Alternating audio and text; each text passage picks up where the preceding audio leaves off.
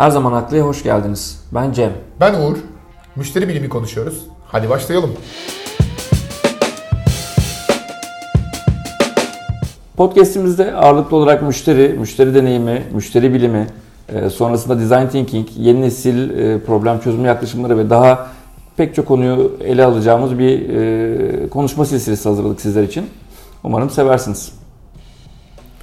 Süper. Peki bu hafta nasıl başlayalım? Önce biraz podcast'imizin hani içeriğinden ve adının nereden geldiğinden istersen başlayalım. Tabii ki. Çok kısa ben şunu söyleyebilirim. İsim konusunda yapay zeka destekli bir takım çözümler arasak da günün sonunda kendi e, zekamıza mahkum olarak şey bulmuş durumdayız. Her zaman haklı. Müşteri her zaman hakkıdır e, yaklaşımından gittik. E, gerçekten müşteri her zaman haklı mı ya? Çok zor bir soru aslında. Yani bir noktada müşteri her zaman haklı. Yani çünkü yani şöyle düşünmek lazım. Bugün geldiğimiz noktada ekonominin e, modeli müşteri merkezli bir ekonomi modeli var. Bu müşteri merkezli ekonomi modelinin içerisinde de müşteri e, her zaman haklı. Yani e, deneyimi yaşarken de, deneyimi e, algılarken de birçok noktada müşteri her zaman haklı. Ama tabii bunun bir sınırı, limiti olması gerekiyor. Yani bu haklılığı işte özellikle satış dinamikleri anlamında öyle iade süreçlerinde vesaire Bazen de haksız diyelim. Farklı kullanmamakta mantık var ama müşteri her zaman haklı. Valla ben sağda solda çok müşteri her zaman hakkı değildir diye söylüyorum ama Şimdi podcast'e çıkıp da bir de bunu şeyin propagandasını yapıyorsun şey sıkıntı olmasın abi. Ya şöyle müşteri neden haklı? Yani müşterinin haklı olduğu nokta şu. Müşterinin bir bakış açısı var. Müşteri o bakış açısı içerisinden dışarıya doğru bakıyor ve markaların etrafındaki diğer yani onları müşteri olarak gören tüm e, firmaların kurduğu bir düzen var ve bu düzene giriş yapıyor. E, doğal olarak da bunun içerisine kendi olarak bireysel olarak girdiği için her zaman haklı. Burada şöyle diyebilir miyiz ya? Müşteri her zaman haklı, okey. Ama firmalar da o hakkı her zaman teslim etmemekte haklı diyebilir miyiz? Evet aslında öyle bakıldığı zaman bu da söylenebilir yani. Firmaların da markaların da bu anlamda bakıldığında böyle bir ya, haklılıkları var. Bazen hani... çok maliyetli olabiliyor müşterinin hakkını teslim ediyor olmak belli noktalarda belki de e, onu gözden kaçırmak ya da bilerek görmezden gelmek bir, bir takım sürdürülebilirlik problemlerinin çözüm olabiliyor. Ya doğru yani bunun hani böyle bir motto ile yola çıkmıyorlar zaten. Yani hiçbir marka hani müşteri her zaman haklı mottosu çok biraz da eskilerde kalmış da bir söylem aslında bir noktada. Evet. Yani artık kimse bunun haklılık haksızlık üzerinden tartışmıyor. Çünkü hak hukuk işlerine girdiğiniz zaman özellikle alışveriş yapılan bir süreç yani içerisinde. Orada, evet haklılık denildiğinde akla gelen müşterinin her türlü beklentiyi e, her türlü şey firmadan istemeyi kendine hak görmesi. Bir o iki müşteri yani deneyimi kendine özgü şekilde yaşamakta hakkı var. Yani müşteri deneyimi hiçbir zaman bir markanın ona sunduğu şekilde yaşamıyor. Müşteri kendi çocukluğundan beri getirdiği yaşamsal deneyimleri ona ne sağladıysa, onu nasıl bir insan, nasıl bir birey haline getirdiyse o birey olarak ya da işte içinde bulunduğu sosyokültürel, ekonomik şartlar, demografik yapılar bütün her şeyle nasıl bir bireyse o bir birey olarak o deneyimi yaşıyor ve böylece bu deneyimi yaşarken o deneyimi yaşama biçimi üzerinden ben müşteriyi haklı görüyorum. Çünkü müşteri eğer yani siz bir mağazaya herhangi ya da bir e, alışveriş e, merkezinin içerisinde bir deneyim alanı yarattığınızı düşünüyorsanız ama kimse oraya ilgilenmiyorsa e burada da ya bu müşterilere de yaranamıyoruz gibi bakış içerisine girmek saçma. Çünkü müşteri onu öyle algılamıyordur yani. Peki, peki. Ee, peki biz bu podcast'i niye yapıyoruz abi? Abi şimdi biz podcast'i niye yapıyoruz? Çünkü bir bu podcast'te hani enine boyuna müşteri konuşalım istiyoruz. Deneyim konuşalım istiyoruz. Hani ekonomi modellerinden nereye geldik? Ekonomi modelleri bugün bizi hangi e, ekonomi modelinin içerisine attı? Burada bir çok derin ekonomi tartışmaları gibi değil belki ama hani oturup da içinde Yeri geliyorsa da yaparız. Ha, yeri gelirse da geliriz. ama e, günün sonunda bugün özellikle hani Perakende sektörü için aslında sadece perakende sektörü de kısıtlamıyorum ama işte yeme içme vesaire tüm dışarıdaki e, deneyim yaşatabilen sektörlerin tamamı için hani deneyim süreçlerini biraz konuşalım. Bir yandan yeni nesil deneyim deneyim yaklaşımlarını konuşalım. Çünkü hani bir genze konuşuluyor, jenerasyonlar değişti deniliyor. Şimdi alfalar geldi, geliyor vesaire. Hani biraz bunları konuşalım. Arada işte postmodernist yaklaşımlardan, özellikle endüstriye postmodern yaklaşımlardan biraz bahsedelim.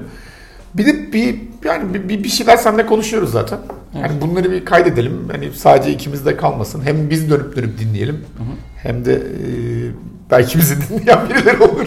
Onlar da buradan faydalanırlar diye düşünüyorum. en azından iki kişi var abi podcast'a abone olacak minimumda. Belki birilerini daha bulabiliriz. Harika. Ya aslında bizim yola çıkış noktamız birazcık şey diyebilir miyiz? Ee, kendi kendimize bir takım fikirleri konuşurken onları böyle köpürttüğümüz ve birbirimizden beslendiğimiz e, belli durumlar, örnekler, işte e, tecrübeler oluyor. Onları paylaşırken aslında hem keyif alıyoruz hem de mevcut profesyonel hayatımıza katkı sağlıyoruz. Kesinlikle Cem bir de şeyden bahset istersen. Yani mesela sen senin bir hani doğal olarak hani biz gökten inmedik müşteri deneyimi konuşmak için. Senin de müşteri deneyimi tarafında ve müşteri tarafında bir arka planı ve bir birikimin var. E benim de bir birikimim var. Hani bu birikimlerden bu birikimler de bizi bugün geldiğimiz noktada ikimizi de birer eğitmen haline ve danışman haline getirdi ve biz belli konularda belli şirketlere eğitim danışmanlık hizmetleri sağlayabilecek duruma geldik ve hani bunu da yapabiliyoruz. Layığıyla da yaptığımızı düşünüyoruz. O yüzden hani böyle bir arka planımız da varken bunu böyle bir podcast'te de biraz sohbet tadında geliştirelim istedik aslında. Tabii tabii kesinlikle. Yani birazcık aslında şey mottosuyla girdiğimizi söyleyebiliriz. Bilmiyorum. Senin adına konuşabilirim bu noktada belki. Bilgiyi paylaşmak ve bu kapsamda çoğaltmak. Yani çünkü hem tecrübe ettiğimiz şeyleri uygulayabileceğimiz ya da fayda yaratabileceğimiz şirket sayısı fiziksel olarak sınırlı. Bizim zamanımız da sınırlı. Ama bu tür paylaşımlarla belki e, farklı noktalarda hem e, besleyip hem beslenebiliriz. Dediğim gibi ben birazcık daha işin kültür tarafındayım aslında. E, işin o müşteri deneyimi kültürünün yaygınlaştırılması, problemleri ya da şirket içerisindeki stratejiyi müşteri üzerine kurgulama tarafında böyle birkaç kelam edebilirim belki ileride. Ama seninle o şey tarafından oldukça beslendiğimi söyleyebilirim. Hardcore müşteri deneyimi kurgulama, bunun stratejisini kurgulama noktasında olduğunu söyleyebilirim. Ya biz seninle bir, bir sohbetimizde şey diye ayırmıştık aslında bunu biraz hani altyapı üst yapı üzerinden evet. biraz ayrıştırmıştık. Hani o, o enteresan bir ayrımdı aslında. Hı. Bütün bütün total e, deneyim konusuna bütün içerikleriyle birlikte altyapı üst yapı yaklaşımından bakmak, o pencerelerden bakıp evet. öyle ayrıştırmak aslında o enteresan bir çıkış ve kalkış noktasıydı evet, bir belki yandan. bunu bir metaforla falan açıklayabiliriz. Hani spor yapmak istiyorsunuz, bir fitness'a yazılıyorsunuz ya da sabahları kalkıyorsunuz, biraz koşuyorsunuz falan. Ee, bu aslında birazcık işin altyapısıyla ilgili. Yani o harekete geçme kültürü. Ee, işte bir takım disipline etmekle ilgili kendini zorlamak ve e, belli noktalarda belli davranış paternlerini sergilemek bu altyapıyla ilgili. Ama işte okçuluk noktasında uzmanlaşmak istiyorsanız ya da işte sporun daha belli spesifik alanlarında bir takım e, uzmanlıklar geliştirmek istiyorsanız bu biraz üst yapı e, gibi ayırabiliriz. Hani altyapının içerisinde neler var? İşte kültür, işte şirketin kültüre dair bilinci nedir? İşte müşteri odaklılığa dair bilinci nedir? Çünkü herkes e, sürekli ağzında olan bir deyim aslında. Müşteri odaklıyız, müşteri her zaman hakkıdır falan. E, ama bunları gerçek anlamda sahaya ne derece yansıtıyoruz? Bu sizin vizyonunuzla e, tamamen kültürel gerçeğiniz arasındaki fark. Alt yapı birazcık buna bakıyor ama üst yapı birazcık daha işin sistematize edilmesi. Gerçi orayı senin tanımlaman sanki daha doğru olabilir. Ya ya sen aslında tanımlayabilirsin yani senin bak senin e, yani nasıl kavramsal e, dizgen üzerinden işte altyapı üst yapı tarafında senin dediğin gibi ya ben biraz bunu iç motivasyon dış motivasyon gibi de görüyorum aslında. Hı. Yani iç motivasyon daha altyapı çünkü demin konuştuğumuz bireyin kendi e, yaşanmışlıklarından getirdiği biriktirdikleriyle ortaya çıkmış bir durum. Bu biraz altyapı. Buraya eğilmek, buradaki düşünme süreçlerini, buradaki işte davranış psikolojisini vesaireyi altta e, kazımak ve oradan bir takım e, yaklaşımlar geliştirmek, çıkarmak okey. E bir yandan da bunun işte dediğin gibi üst tarafta da yani dış motivasyon kaynakları tarafında da kurulması, bir deneyim olarak tasarlanması söz konusu. Evet, yani deneyim sürecinin aslında uçtan uca baktığımızda biraz da şey bir tarafı var. Ee, nasıl diyeyim? Zorluğu sanki biraz buradan kaynaklanıyor. Bir tarafta tepe yönetimin beklediği bir takım KPI'ler var. Çok somut Kesinlikle. bir takım veriler sunman gerekiyor. Bu işi metrik hale getirmen gerekiyor. Ölçülebilir hale getirmen gerekiyor. E bir tarafta da işin realitesi var. Yani sahada müşteriye temas eden e, işte e, ekibin bu noktadaki kültürel gelişim var. İşe hani şirketin vizyonunun bulunduğu noktadan bakması gerekiyor. E, ve bu dengeyi kurmak biraz şey bir iş, şizofrenik bir iş gibi geliyor bana. Dolayısıyla ama bu o şey olmadığı takdirde, o dengeyi kurmadığın takdirde iş sürdürülebilir hale gelmiyor. Aslında deneyimin genelde benim gözlemlediğim noktada iki noktasından birine fazlaca odaklanma eğiliminde olabiliyor şirketler. Yani ya çok fazla kültüre bakıyor ya da çok fazla metriklere odaklanıp belli bir departmanın omuzlarına yüklüyor bu e, müşteri deneyim süreçlerini. E, birazcık aslında bunlar üzerinden geyik çevirsek sanki bir şey olacak gibi duruyor. Ya ben şey de, deneyim mevzusunun hani çok su kaldıracağını düşünüyorum. Yani deneyim çünkü yani yıllardır benim de hem işte hem eğitmen tarafında hem profesyonel hayatta çok içinde olduğum ve çok da uğraştığım bir alandı. O yüzden hani deneyimi derinlemesine konuşacağımız bence bölümler kesinlikle çekeceğiz ve kesinlikle orada çok daha derin sadece deneyim konuştuğumuz, deneyim nedirle başlayacağımız, deneyimin parçalarını ayırıp tekrar o parçaları birleştireceğimiz e, bence podcast bölümleri olacak bu seri içerisinde. Kesinlikle. O yüzden deneyim çok e, temel ve merkez bir kavram. E tabi deneyim kim için, nasıl var, neden var? E, müşteri var. Yani müşteri de, deyip dememeyi seninle konuşmuştuk hatırlarsan. Evet. Yani biz acaba müşteri mi desek hatta isim ararken de müşteri mi koysak ismi ya da müşteri geçse mi ismin içerisinde diye düşünmüştük ama biz müşteriyi seninle şöyle karar verdik. Yani müşteri demekte bir base yok. Hani tüketici çok sakıncalı bir kelime bana sorarsan. Hani insanlar tüketiciyi daha şey sempatik buluyorlar. Muhtemelen o herhalde müşteri çok eskilerden beri birçok sektörde kullanıldığından kaynaklı. Ee, ama yani tüketicinin hani ne kadar sempatik geliyor olsa da kulağa belki en azından herkes öyle gelmiyor olabilir ama o, o sempatikliğin yanında bir şeyi tüketmekle alakalı. Evet. Yani bu dünya kaynaklarından tut da işte markaların ürettiği ürünlerin tüketimine ve a- aşırı tüketime de çok rahatlıkla linklenebilecek bir kavram. O yüzden biz tüketici demiyoruz. Biz Ben- müşteri diyoruz. Evet müşteri dedin. E, senle yine daha önceden konuştuğumuz şey vardı. Şimdi altyapı üst yapı kavramını konuştuk. Bir de ben senden şey duymak istiyorum. Müşteri bilimi. Müşteri bilimi diye bir kavram var. Bu, bu kavramı deyince benim aklıma sen geliyorsun. Nedir abi bu? Ya müşteri bilimi aslında şöyle bir şey. Müşteri bilimi yani biraz e, yani müşteri merkezli yaklaşımların müşteri odaklı demek istemiyorum çünkü bir odak tutku ayrımı yapıyorum ben aslında. Müşteri bilimi tarafında da bu ayrım yapılıyor. Yani bunların tam İngilizce kavram karşılıklarından hani biri focus olmak yani con- consumer ya da customer focus. Öbür tarafta e, hani daha e, customer obsesif ya da customer obsession denilen bir kavramla karşılaşıyor. O obsession da biraz takıntı gibi. Aslında takıntı doğru kelime ama çok da Türkçe'de pozitif çağrıştırmadığı için ona birazcık e, tutku demeye çalışıyoruz. Kavramların genel şeyi o. Ya negatif ya pozitif çağrışımları çok baskın oluyor. Böyle nötr kavram çok yok gibi sanki bizim dilimizde. Bazı noktalarda iş zorlaşabiliyor. Yani hani gerçekten do- bir kavram aslında çevresinde karşılamadığı bir şeyi hani enteresan bir şekilde nasıl diyeyim İngilizce'de ya da Almancasında çok daha farklı bir anlamı çağrıştırırken ve o dili öğrendiyseniz, o dili biliyorsanız sizin kafanıza da çok değişik kapılar açarken Türkçe'de bir anda bir kısıtlama içerisine düşebiliyor maalesef. Ben onu en çok şeyde yaşıyorum mesela. Biraz konudan sapıyoruz ufaktan ama eleştiri kelimesinde. Yani mesela eleştirel bakma, eleştirel düşünme dediğimizde direkt negatif bir konu gibi algılanıyor ama aslında orijinali kritik, kritik etme. Yani eleştiri öz itibariyle eleştirdiği şeyin yine başka bir şey koymayı reddediyor. Yani eleştirmek demek o diğeri öneri oluyor zaten. Ee, ama bu kelime olarak bile negatif bir konu. Affedersin müşteri bilimi diyorduk. Yani şey doğru. Ee, müşteri bilimi tarafı şöyle. Müşteri bilimi için yani bütün bu müşteri odaklı, müşteri e, tutkulu, müşteri takıntılı yaklaşımlar içerisinde aslında bunların hepsinin birleştirildiği ve müşteriye çok daha farklı yaklaşmak gerektiğini iddia eden bir yaklaşım.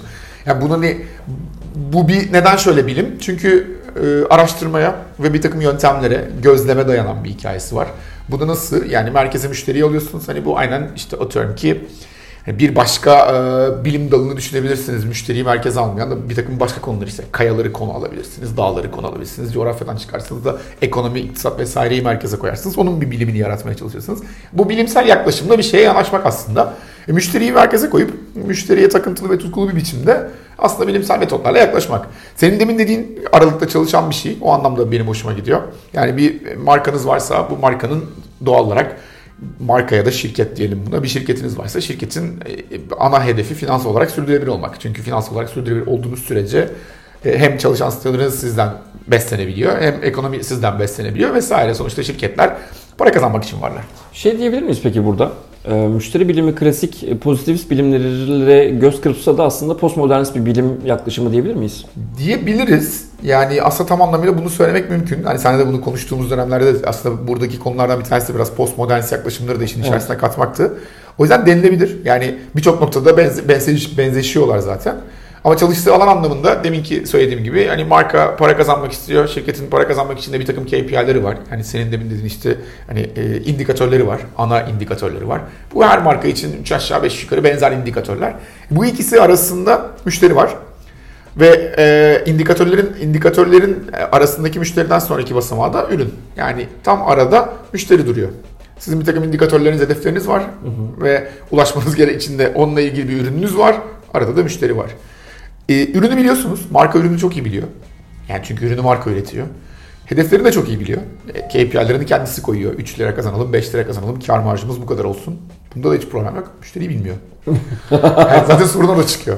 Müşteri Müşteriyi bilir mi? Müşteri, müşteriyi bilmek mümkün. Böyle felsefi soru sorsak Çok mu şey yapmış, uzak, uzaklaşmış? Ya müşteri yani? bilmek mümkün mü şey gibi hani e, işte bu şuradaki kenardaki duran ağaçlar ve toprak taşlar, dallar vesaireyi bilmek ne kadar mümkün gibi bir soru bu aslında. Yani hı. ne kadar araştırma metodu geliştirip ne kadar fazla araştırıp ne kadar farklı şekilde gözlemlersen o kadar fazla doğa hakkında bilgi sahibi oluyorsun. Ya- müşteri de böyle. Evet burada biraz şey olabilir belki. Biraz daha e, Müşteri böyle şey gibi anlatıyor d- d- türü sona ermekte olan bir şey.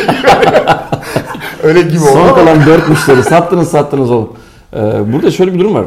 E, müşterilerle ilgili ben hani 1920'lerde 1930'larda falan bizim iletişim çalışmaları çok yoğun ilerleyen şeyler. Nasıl diyeyim? E, literatüre çok ciddi katkılar olan bir dönem. E, o dönemde insanları böyle birazcık demografik bazda e, bir takım bölümlendirmeleri ayırabiliyorlardı. İşte insanlar demografik anlamda ortak e, davranışları sergileyebiliyorlardı ve bunun çok ekmeğini yediler daha yakın zamana kadar. Hatta şey bile diyebiliriz bu 90'lardaki e, startupların ve Silikon Vadisi'nin yükselişi o altın çağa girişle beraber e, o döneme kadar işledi bu. Ama artık müşteriyi sanki birazcık daha e, dar alanda spesifik noktada böyle biraz psikografik, biraz belki davranışsal bazda okumak gerekiyor. E, Ne dersin? Ya bu hep böyle değildi. Bu yani senin şimdi 1910'lar 20'ler oralara gittiğin zaman tabii dünya çok yani o dönem içerisinde özellikle 1900'ler yani 20. yüzyılın başından 20. yüzyılın sonuna kadar ki o 100 yıllık süreç içerisinde çok ciddi değişimler dönüşümler geçirdi. Yani iki dünya savaşı gördü, e, büyük imparatorluklar dağıldı vesaire oldu. Bir- Birçok şey değişti yani. Müşteri duruyor ama. Ama müşteri de yoktu bir noktada. Yani Hı hı. ilk müşteri çıkmadı zaten. İlk çıkan şey üründü aslında. Ürün de değil. İlk, ilk ham madde çıktı. Yani ham madde üzerinden ürün çıktı ama ürün çok uzun süre ham madde de bir üründü diye düşünecek olursan hizmet sektörü bile yani bu iş hizmete döndüğünde hizmet ve servis sektörü ya da hizmet ve servis ekonomisi halini aldığında bile ki bahsettiğim 80'ler 90'lar civarı oralarda bile ürün hep kraldı. Yani cash is the king'ti, ürün de product is the king'ti. Yani böyleydi çünkü hani ürün o kadar kopyalanamayan bir şeydi ki. Evet. Bugün hard to copy değil ürün. Yani bugün hani hep bunu seninle de konuştuğumuz noktalarda birbirimize de söylemişizdir. Yani eskiden ürün kopyalanamıyordu. Bir tane üretebiliyordun. Ama şimdi her şey demokratikleşti. Yani e, üretim yaklaşımları demokratikleşti, bilgi teknolojileri demokratikleşti, işlemci kapasitesi demokratikleşti. Yani çok düşük maliyetlerle çok şey çözebiliyorsunuz. Bir de şöyle bir durum var. Dünya artık dünyanın dört bir tarafından bir şeyler imal edip getirebiliyorsunuz. Dolayısıyla sizin mücadele etmek, rekabet etmek e, ve kendinizi var etmeniz gereken e, iki nokta var. Bunlardan birisi inovasyon. Yani ya inovatif bir şey ortaya koyacaksınız ve taklit edilmesi mümkün olmayacak. Ya da müşteri deneyimi noktasında müşterilerinize sunacağınız şeyin e, sizin sürdürülebilirliğinize hizmet ediyor olması gerekiyor. Kesinlikle. Bir, bir yandan da hani ürünün merkezdeki geçirdiği o dönemlerde şöyle bir şey var. Yani dünya deniz altından geçen kablolarla birbirine bağlı değildi. Yani bu, bu internet yoktu. Hani bu anlamda çok daha kapalı ekonomiler, çok daha kapalı sistemler olarak topluluklar yaşıyorlardı. Şu an Bu da- dayanamıyorlar zaten kapalı ekonomiler. Şu an mümkün, Mümkün değil. değil yani. Ama işte bu da genel olarak şu de- değişimi bir beraberinde getirdi. Artık ürün odaktan çıktı. Çünkü ürünle ilgili şöyle şeyler vardı. Yani ben bu pantolonu bir tek ben üretebiliyorum. Benden başka kimse üretemiyor. Neden? Çünkü şu makine, şu usta ve şu usta bende var. Bugün öyle bir iddiayla kimse çıkmıyor. Hiçbir markanın bunu bir tek... Belki çok yani şey e, yani şimdi bu senle beraber konuşuyor gibi değil podcast olduğu için şey bırakalım açık kapı bırakalım. Hani biri araştırıp ondan sonra var bunlar yapıyor falan diye. Aynen abi gol gol yem gol Ama şu vardır yani hani ne bileyim çok özel sektörlerde işte yani belki mücevher sektöründe belki saat vesaire bir takım daha farklı gerçekten hala zanaat gerektiren işlerin olduğu noktalarda bu farkları yaratmak mümkün ama birçok hızlı giyim yani şeyde yani FMCG tarafında ya da işte tekstil perakendeciliği tarafında ya da diğer taraftaki yeme içme tarafındaki zanaat işinin dışarıda bırakıldığı fast işlerin tamamında çok rahat kopyalama mümkün. Ya zanaat müşteri de burada zaten, zaten. Çok da müşteri deneyiminden bahsetmek ne kadar doğru olur bilmiyorum. Ya böyle high-end ürünlerde belki evet e, bir deneyime oynuyor olabilir ama zanaat zaten temel bir takım problemleri çözmek veya temel estetik bir takım duygulara hitap etmek üzere yapılan çalışmalar değil mi? Aynen öyle. Yani burada da güzel işte gireceğimiz noktalardan bir tanesi de o olacak aslında deneyime girdiğimiz zaman ya da müşteri üzerinden de çıktığımız zaman biraz problem ihtiyaç bakacağız Kesinlikle. yani. Hani Bir o problem şekilde değil. problem ve ihtiyaç. Müşteri denildiğinde bir problem geliyor benim aklıma. Yani bir, bir dert, bir, bir şey. İnsanlar niye müşteri olsunlar ki? Müşteri problem zaten yani problemi olmazsa müşteri olmazsın. müşteri problem derken hani kötü anla bu da mesela negatif anlaşılan bir kelime. Aslında Evet. problem biz hani e, matematik dersinde öğretmezse bir problem sorununda bu negatif düşünüyordunuz? E, problem havuz var işte Nötr. buradan akıyor nötr bir şey bu işim ama yani gerçek hayatta problem hep negatifle alır. Evet. Problem fırsattır ya problem negatif bir şey değildir yani problem bayağı eşittir opportunity yani. Zaten bizim tüm yaklaşımlarda aslında hem startuplarla çalışırken ya da e, normal e, işte inovasyon ekipleriyle çalışırken odaklandığımız şey problem. Yani problemi doğru anlamak, derinlemesine dalmak. Yani o Double Diamond modeli vardı bizim design team'de bilirsin. Ee, İlk e, dalışı problemi tespit etmek ve problemi tanımlamak üzerine gerçekleştirirsin. E, Dolayısıyla e, problemi tanımladığında zaten e, müşteriye daha ciddi içgörülerle ayrılıyorsun süreçten. E, Sonrasında biraz bana kalırsa süreç biraz büyüsünü kaybediyor gibi hissediyorum. Bilmiyorum biraz e, samimi bir itiraf olsun. E, sonrasında zaten ona çözüm geliştirmekle ilgili ilerleyen süreç. Yani o yüzden biz biraz şeye de gireceğiz. Hani e, problem ve ihtiyaç tarafındaki detaylara giriyor olacağız. Yine deneyim üzerinden onları biraz inceleyeceğiz. Yani müşteri tarafından hani müşteri problem midir? Evet müşteri problemdir. Müşterinin yani müşteri problem değildir kendisi tam, tam anlamda belki ama müşterinin bir problemi vardır. Hani müşteri bir problemini çözmek için müşteri olur. Yani bir probleminiz yoksa zaten bir şeyler alıp satmanıza Evet. gerekecek bir dünya olmayacak, olmayacaktır. Yani şöyle ihtiyaçlarınızı karşılamak tarafını başka bir yerde bırakıyorum. İhtiyaca hiç girmiyorum. Ona gireceğiz zaten konuştuğumuzda ama. O yüzden hani müşterinin asıl problemini anlamak. Ders ki kar orada. Yani marka için deneyimi çözmek, deneyimi yaratmak da bugün bugün buna bu kadar yatırım yapıyor olmaları ve bunu bu kadar dillendiriyor olmaları ya da genel anlamda ekonomi modelinin buna dönmüş olması e, hani şey gibi değil bu. Ya evet hani çok da artık 10 senedir 15 senedir ürün merkezdeydi artık hadi değiştirelim bu merkezi de bunu müşteri. Öyle değil yani bu işler öyle olmuyor. Hani bu hani herkes şey diye düşünüyor ya işte sezonun moda renkleri vesairesi belirlenirken çok eskilerde şeyler konuşulurdu. Yani o elde kalan kumaşlara göre bakılıyor onlara yani hani depolarda çok fazla kırmızı kaldıysa o sene rengin kırmızı oluyor. Çok da temellendirilebilir bir iddia. Öyledir değildir ama günün sonunda burada herkes anlaması gereken bir şey var. Bir alışveriş var. Yani birileri birilerinin cebindeki parayı alıp onun yerine bir ürün vermeye çalışıyor ve bunun olabilir. burada da kar maksimizasyonu var. Burada kar maksimizasyonunu sağlayabilmek için de eğer deneyimse deneyim. Yarın bir gün hep konuşuyoruz seninle. Yani dördüncü, beşinci model belki values olacak. Yani değerler ekonomisi olacak veya e, ahlak ekonomisi olacak. Evet. Ahlak ekonomisi çok oturmayacaktır da hani moral ekonomi dedikleri bizde ahlak gibi karşılığı E bulan. şeyden okunabiliyor bunun aslında şeyi e, muhteviyatını biraz daha merak edenler bu özellikle e, yeni kuşakların e, çalışma hayatına dair beklentilerinin içerisine bakarlarsa orada o moral algısı ya da o moral e, o ahlak ve işte bir nasıl diyeyim hedefe hizmet etmek, bir amaca hizmet etmek Aynen öyle. duygusunun ne kadar yükselişte olduğunu görebilirler. Bir de ben burada hani son kapatmadan önce şeyi e, demek istiyorum. Birazcık da hani geçmişten günümüze olan durumu vurguladık ama burada çok kritik bir faktör daha var. E, büyük veri.